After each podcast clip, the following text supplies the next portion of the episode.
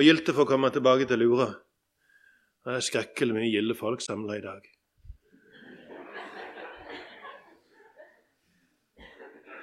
Um, og så har vi noe fint å dele med hverandre, en tekst som er utrolig rik ifra Johannes kapittel 11 om noen søstre som sender budet til Jesus. Og Vi kan lese de versene der før vi ber i lag igjen. Det var en mann som var syk. Lasarus ifra Betania, byen som Maria og hennes søster Martha bodde i. Det var Maria som salvet Herren med salve og tørket føttene hans med sitt hår. Det var hennes bror Lasarus som var syk. Søstrene sendte nå bud til ham og sa, Herre, se han som du elsker, er syk. Men da Jesus hørte det, sa han, denne sykdommen er ikke til døden, men til Guds ære, for at Guds sønn skal bli æret ved den. Jesus elsket Martha og hennes søster og Lasarus. Da han nå hørte at han var syk, ble han likevel enda to dager på det stedet der han var. Herre Jesus, dette er dine ord, eh, som du har gitt dere for at vi skal forstå hvem du er. Og så ber vi at du må komme og åpne ordet for oss og åpne hjertene våre for ordet ditt, så vi kan se og ta imot og glede oss over den du er. Herre, tal. Vi ber Jesus i ditt navn. Amen.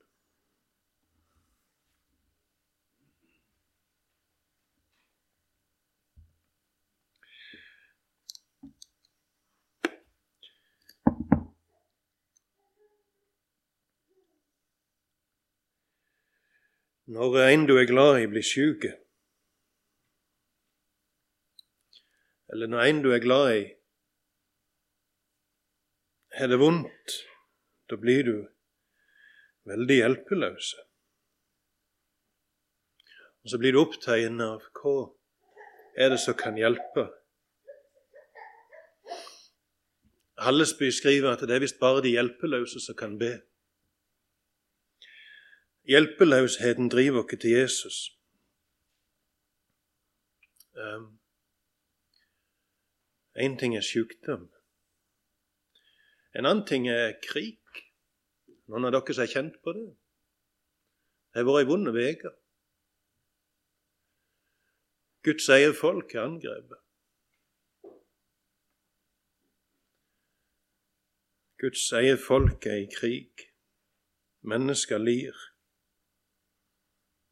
Jeg kjente det i går jeg hadde forberedt meg. Det var vanskelig å samle tankene om teksten. Men det skjer så mye vondt i verden. Men det er en eh, forbindelse òg her. Det er en forbindelse mellom det som skjer i Midtøsten, og, en, og med det som står i teksten. Og for, for så vidt òg en forbindelse med det som skjer i dag, når vi er med og bærer Elia til Jesus.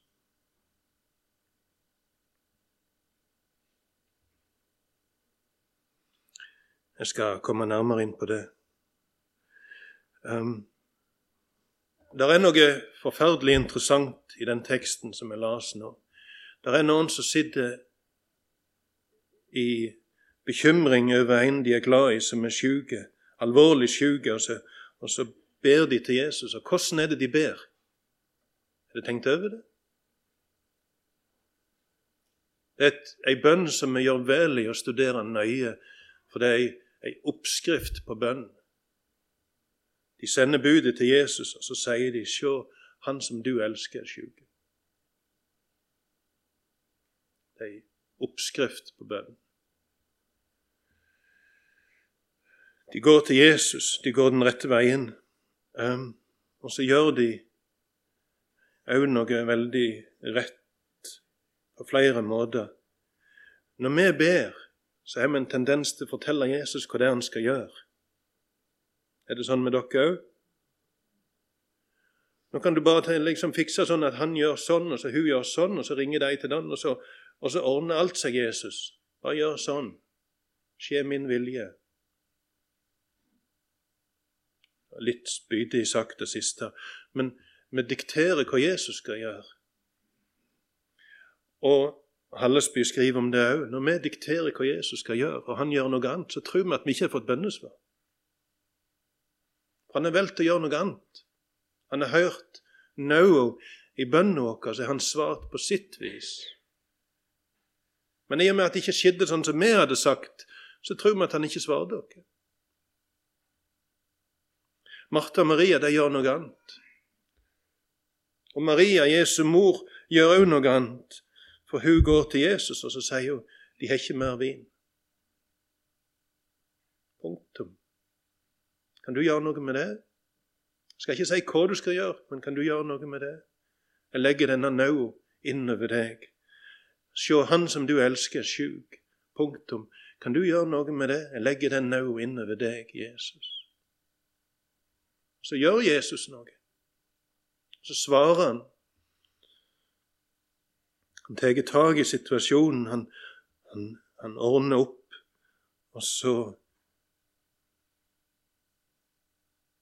Og så ser vi at situasjonen løste seg, og så kan vi prise Jesus. Så det ene de gjør her, det er at de dikterer ikke hva Jesus skal gjøre, men de legger nauet over på ham. Og det andre de gjør, det er at de forankrer bønna si i uh, Jesu hjertelag. Hørte du det? De forankrer bønna si i Jesu hjertelag. Han som du elsker, er sjuk. Ikke bror vår som vi er så forferdelig glad i, han er sjuk, men han som du elsker, er sjuk.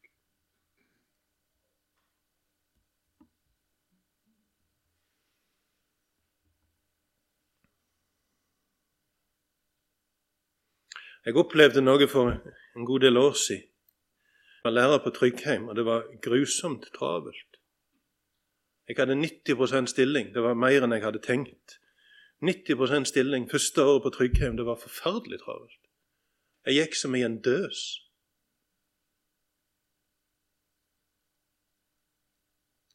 Jeg husker ikke han om det var det året du gikk der. Og ja, der sitter de, elevene mine sitter her på rekke og rad. Uh, uh, men det var det første året mitt på Tryggheim, og det var så travelt. og at Jeg gikk der, jeg gikk der i gangene på vei til, ned til byggavdelingen og skulle ha norsk eller kristendom med disse byggelevene mine, og så ba jeg for klassen. Halvtiden en døs, for jeg var så forferdelig trøtt og sliten. Jeg ba for klassen jeg skulle til. Jesus, jeg, jeg ber, du vet jeg vil så gjerne at denne, disse elevene skal Jesus, jeg eh, og så, og så skjedde det noe der i gangen, under gymsalen. Jeg gikk der og så ba halvt igjen døs, og så sa jeg inni meg, Jesus, du sitter i himmelen din. Og så datt det en setning ned i, i hodet mitt som gjorde meg bestyrta. Hvor kom de ordene ifra? For jeg, jeg, jeg gjenger der og så ber jeg Jesus, du sitter i himmelen og venter på at jeg skal si noe som er sant. Det var de ordene som kom til meg. Og venter på at jeg skal si noe som er sant. Det hadde ikke jeg planlagt å si. Og jeg måtte begynne å grunne over hva, hva, hva betyr det? Snakker jeg ikke sant? Her har jeg gått og bitt for klassen. Jeg skulle på, skulle på time med Jesus. Du veit jeg ønsker at disse elevene skal oppleve sånn og sånn. Er det sant? Mm, nei. Iallfall ikke så veldig sant. Jeg ønsket det ikke så veldig. Det var fine ord, men det var ikke helt sant. For egentlig så brydde jeg meg ikke helt ned på hjertedjupet. Og så måtte jeg begynne å lete etter sanne ord. Hvordan skal jeg be sånn at jeg snakker sant når jeg ber? Og så demra det for meg. Jeg må snakke mindre om Jeg må si mindre jeg og mer du. Herre Jesus, du vil at disse elevene skal få bli kjent med deg. Du er glad i dem. Det er sant. Min omsorg og min kjærlighet og min inderlighet og hengivelse til elevene jeg hadde, den kunne variere. Høyst relativ. Men Jesu kjærlighet er et faktum. Og det er den som betyr noen ting. Og så kunne jeg gå til Jesus og så kunne jeg be for elevene mine. Og så kunne jeg forankre bønnen min i at han er glad i dem.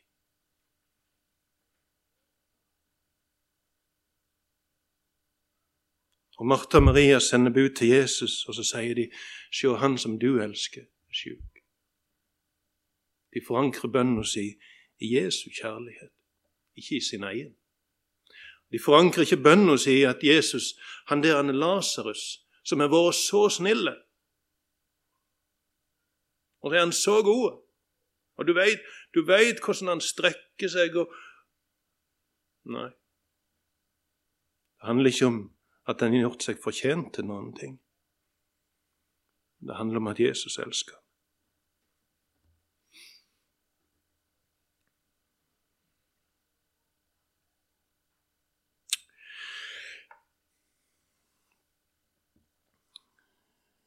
Og etter hvert har jeg forstandet at det er en måte å be på som du møter om igjen og om igjen og om igjen i Bibelen.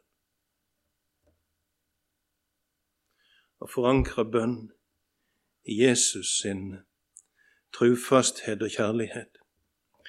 Israelsfolket, de svikta. De tilba en gullkalv, og så kommer Gud til Moses, som er oppe i fjellet, og så sier Gud til Moses, folket ditt, som du førte opp ifra Egypt, har gjort en skammelig ting. La meg nå få råd, jeg skal utslette deg, og så skal jeg gjøre deg til stamfar for et nytt folk, så ditt navn skal bli stort. Guds ord til Moses. Ditt folk, som du førte ut fra Egypt, har gjort en skammelig ting. La meg få gjøre deg til, til stamfar. La meg få gjøre navnet ditt stort. Og hvordan svarer Moses? Mm -mm, helt feil. Det er ikke mitt folk, det er ditt folk. Det var ikke jeg som førte de fra Egypt, det var du som førte de fra Egypt. Jeg vil ikke at mitt navn skal bli stort, jeg vil at ditt navn skal bli stort. Folk kommer til å håne deg hvis du har ført de fra Egypt for å utslette de i ørkenen. Ta vare på de for at ditt navn skal bli stort. Ditt folk. Det er ditt folk.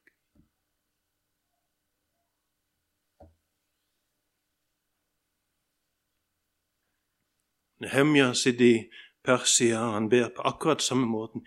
De er ditt folk, Gud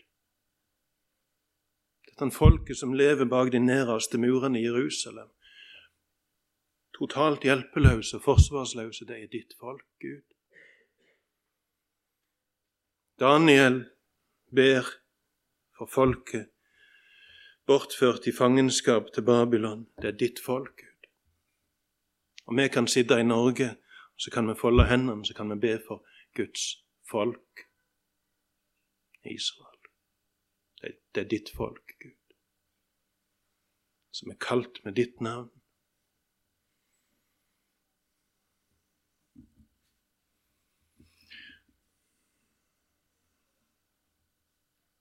Um,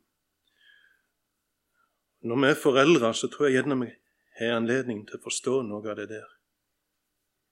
Jeg husker den der Akkurat som det var en ballong inni brystet. sant? når jeg satt på sykehuset og jeg så Andreas 20 sekunder gammel krype over magen instinktivt, krype over magen til, til kona mi på vei opp til brystet. Og så var det som det var en ballong inni brystet, og noen som satt og pumpte opp. sant? Og det var som jeg skulle sprenges av kjærlighet. For han er min. Han er min.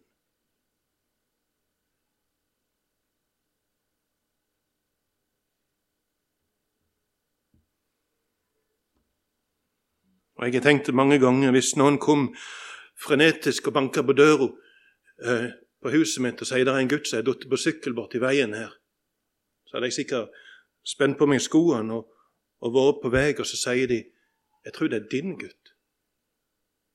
Skjønner du da? Da er det et gir ekstra. Hvis de sier det er din gutt. Da springer jeg. Jeg tar ikke på meg skoene engang. Jeg, jeg bare springer på sokkene, vanner i meg hele sokkene. Det er min gutt.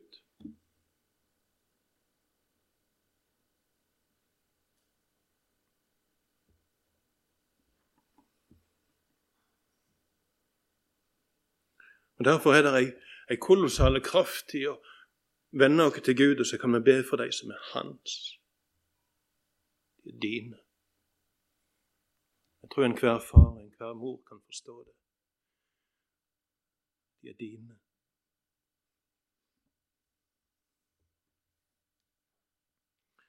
Jeg husker jeg sto der med den lille gutten min, og det var et overveldende ansvar. Og ganske tidlig så vendte jeg meg til Gud, og så sa jeg, jeg gir han tilbake til deg. Jeg vil at han skal være din. Jeg vil at han skal hvile i dine hender. For jeg stoler ikke helt på mine egne. Og Derfor handler denne teksten om det som skjer i dag. Der vi får være med og bære en liten gutt til Jesus, og sier vi vi vil at han skal være din. Og når vi har sagt at han skal være din, da kan vi be til Jesus, sånn som Marte Maria gjorde. Han er din. Ta deg av han, for han er din. Du er glad i han.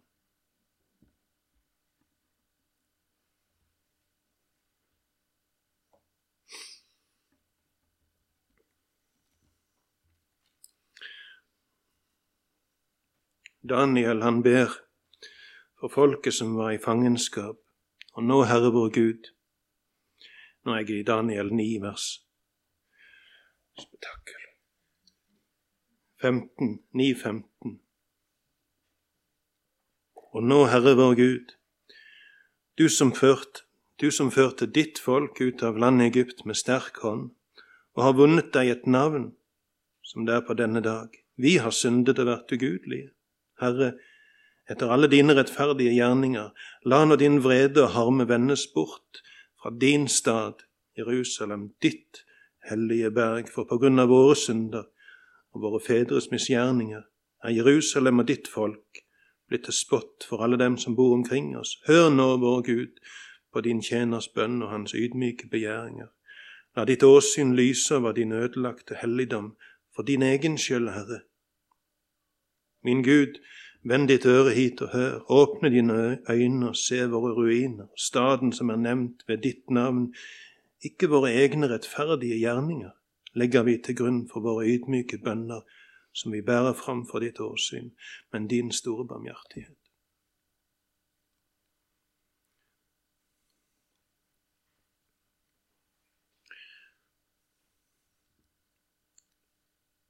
Stemmer det et lite stykke på meg at vi tror på at vi kommer til Jesus og får nåde for synd. Men når det gjelder bønn, så tror vi litt instinktivt at vi skal gjøre oss fortjent til et bønnesvar. Med å be inderlig nok, eller være, være gode nok, eller være ønska det sterkt nok. Nåden gjelder der òg.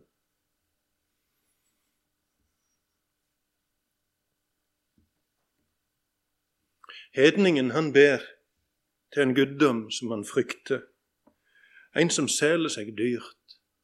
Og så kjøper du. Du kjøper et bønnesvar, du kjøper hjelp med, med store offer eller med sjølplaging eller et eller annet. En guddom som må overtales eller overvinnes eller kjøpes. En guddom som de frykter og som de er glad for gjerne å slippe å forholde seg til store deler av tida. Men den kristne venner seg til en far. Det er en enorm forskjell på det. Vi venner oss til en far som har omsorg for oss.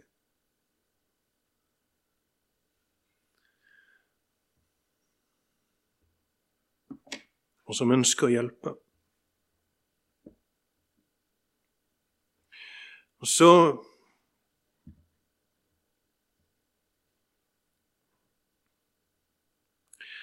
var det en ting som var interessant med denne teksten. En ting til som var interessant. Han stopper med vers 6. Jesus fikk et bud fra Martha Maria, og så ble han værende. Og Der stopper teksten. Men vi vet gjerne at fortellinga stopper ikke der. Men teksten stopper der.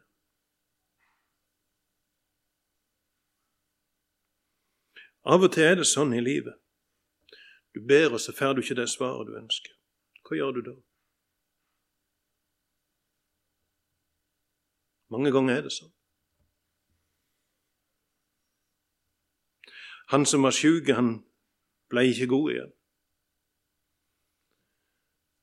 Slettes ikke alle som dør, blir vekt opp igjen til liv i, i denne verden. Slettes ikke alle. Hva gjør du da?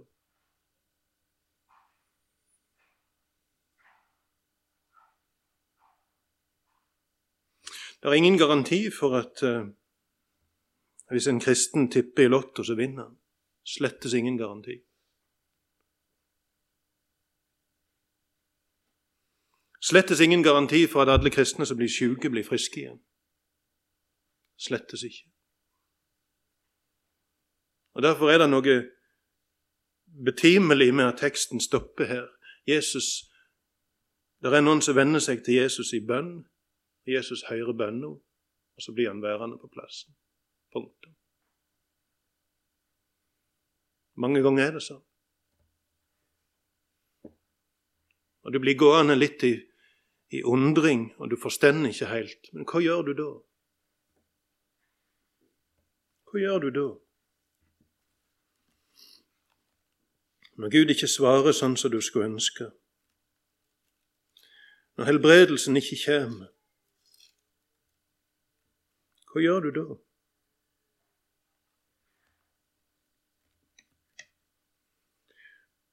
kom jeg over et vers i går.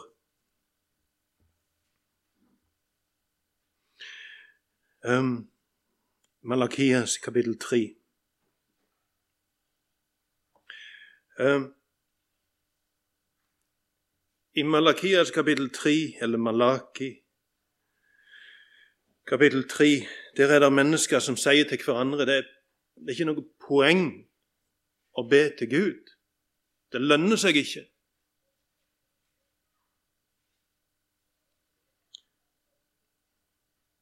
Fåfengt er det å tjene Gud. Hva vinning har det gitt oss? At vi jaktet på Hans bud, at vi gikk i botstrakt for Herrens, herskarenes Guds skyld. Hva vinning er det gitt dere? Hva er det å tjene på det å følge Jesus, er det noen som sier. Og så stender det der i, i vers 16 i kapittel 3. Da talte de med hverandre, de som fryktet Herren. Og Herren lyttet og hørte det, for hans åsyn ble det skrevet en minnebok for den som frykter Herren og høyakter Hans navn. Og Ut ifra sammenhengen så skjønner vi at det er noen som frykter Herren, og de forblir trufaste imot Han når de ikke kan se umiddelbar vinning av å tilhøre Han. De forblei trufaste, og Gud lytta, og han skrev det opp i ei minnebok. Vet du hva ei minnebok er? Vi hadde minnebok i første klasse på, på barneskolen. Jeg har bledd i minneboka i nyere tid. Det er ei hilsen fra bestemor, det er ei hilsen fra søsken. Broren min tegnet denne båten som han alltid tegnet. Utrolig kjekt minne. Et minne fra bestemor til meg, bestemor som har vært død i mange år. Men minne, jeg minnes henne når jeg ser hilsinga henne i minneboka. Og Gud skriver ei minnebok og mennesker som snakker i lag. Om å forbli trufast imot Gud, selv om det ikke nødvendigvis gir seg synlige Det er ikke noen synlig belønning. Det koster gjerne. Og så er det noen som forblir trufast imot den.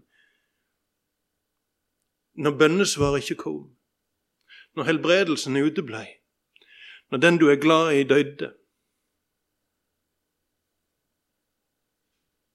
eller når jobben røk, eller huset røk på tvangsauksjon. Og så de, forblei de trufast imot Gud oppi alt dette, og så skriver Gud ei minnebok. Og det er dyrt i hans øyne hvis det er mennesker som forblir trufast imot ham, når han ikke gir det bønnesvaret vi ba om.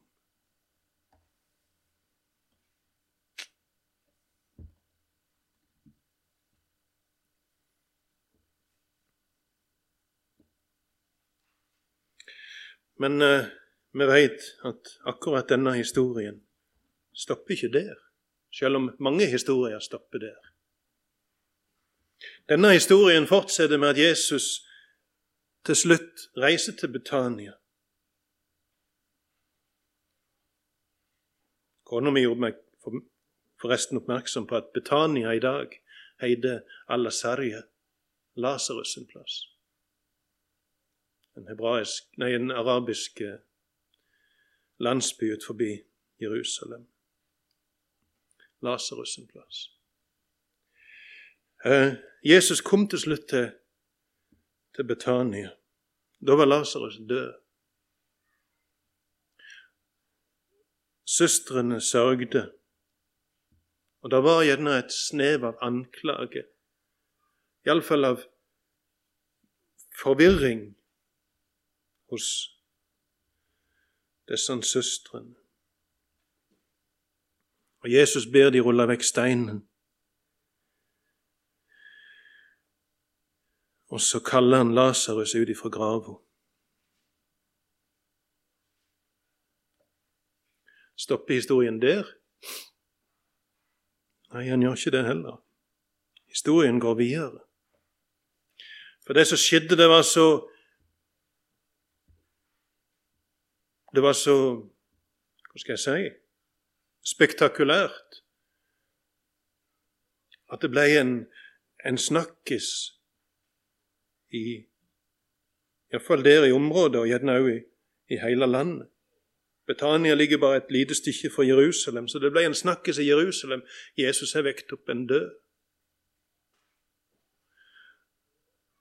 Og det var ledere der som ikke tålte denne oppmerksomheten og populariteten og disse etterfølgerne som Jesus fikk, så de bestemte seg for å drepe Jesus. Denne hendelsen er på en måte den store dråpen som fikk begeret til å flyte over. Nå bestemte de seg, vi må drepe den mannen. Og de tenkte i tillegg at de ville drepe Lasarus. For å kvitte seg med dette mektige vitnesbyrdet om Jesu makt. Slutter historien der? Nei, han slutter ikke der heller. Jesus kommer tilbake. Gjerne reiste han nokså kjapt fra Betania, men så kommer han tilbake igjen på vei til påskefeiring i Jerusalem, og han stopper i Betania, og de lager et festmåltid for ham. Martha hun var ei som var glad i å lage mat, så hun hadde gjerne ideen om å lage en, en god middag til Jesus for å vise takknemlighet. Lasarus satt der som et, et levende vitnesbyrd om han som en gang hadde vært død. Simon den spedalske, som gjerne òg var blitt helbreda en gang, hadde kanskje et stort hus, og han sa vi kan være i huset mitt. Maria står der og tenker hva skal jeg gi til min frelse?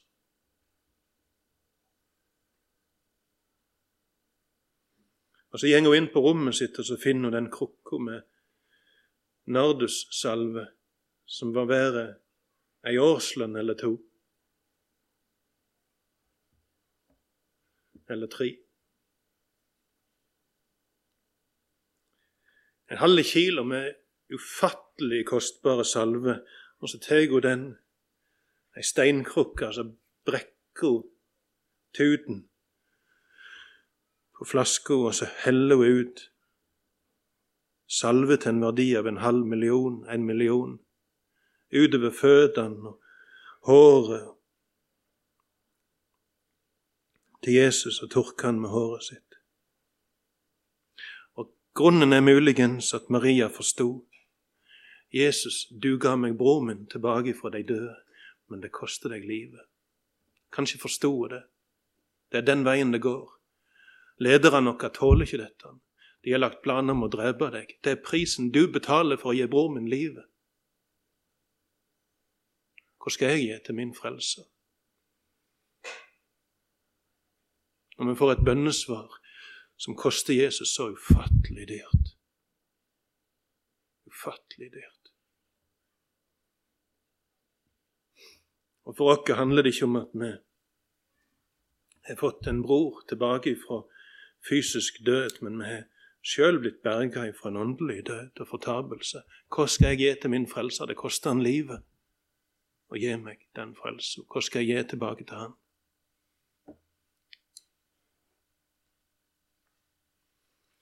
Hva skal jeg gi til min frelse?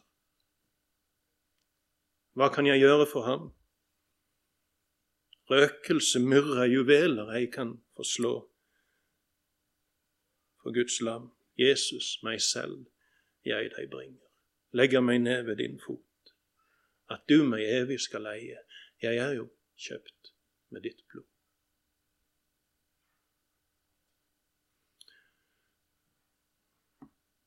Der slutter historien. Hvordan takker vi en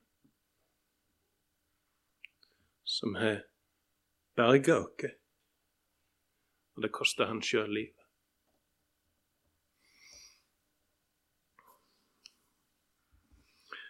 Herre Jesus, vi takker deg for den du er, og for at vi får høre deg til.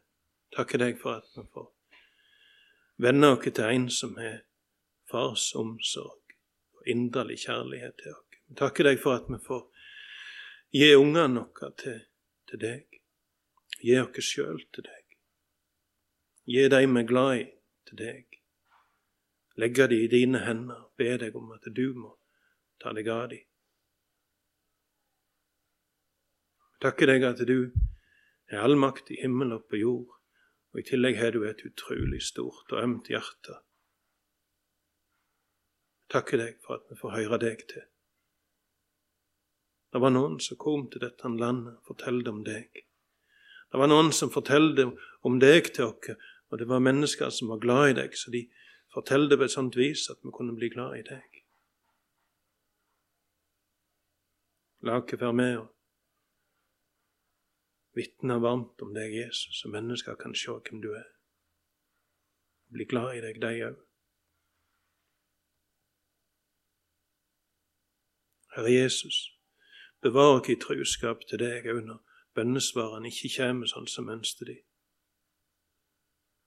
Bevar oss i truskap til deg når mennesker reiser seg i hat imot deg og alt det du sier og alt det du står for. Bevar oss i truskap til deg når det koster å høre deg til. Den dagen kommer gjerne. Gjerne fortere enn vi tenkte.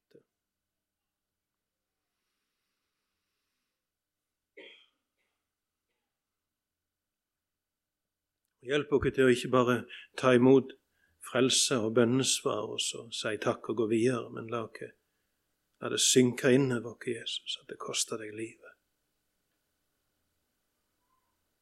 La oss svare deg med kjærlighet og truskap.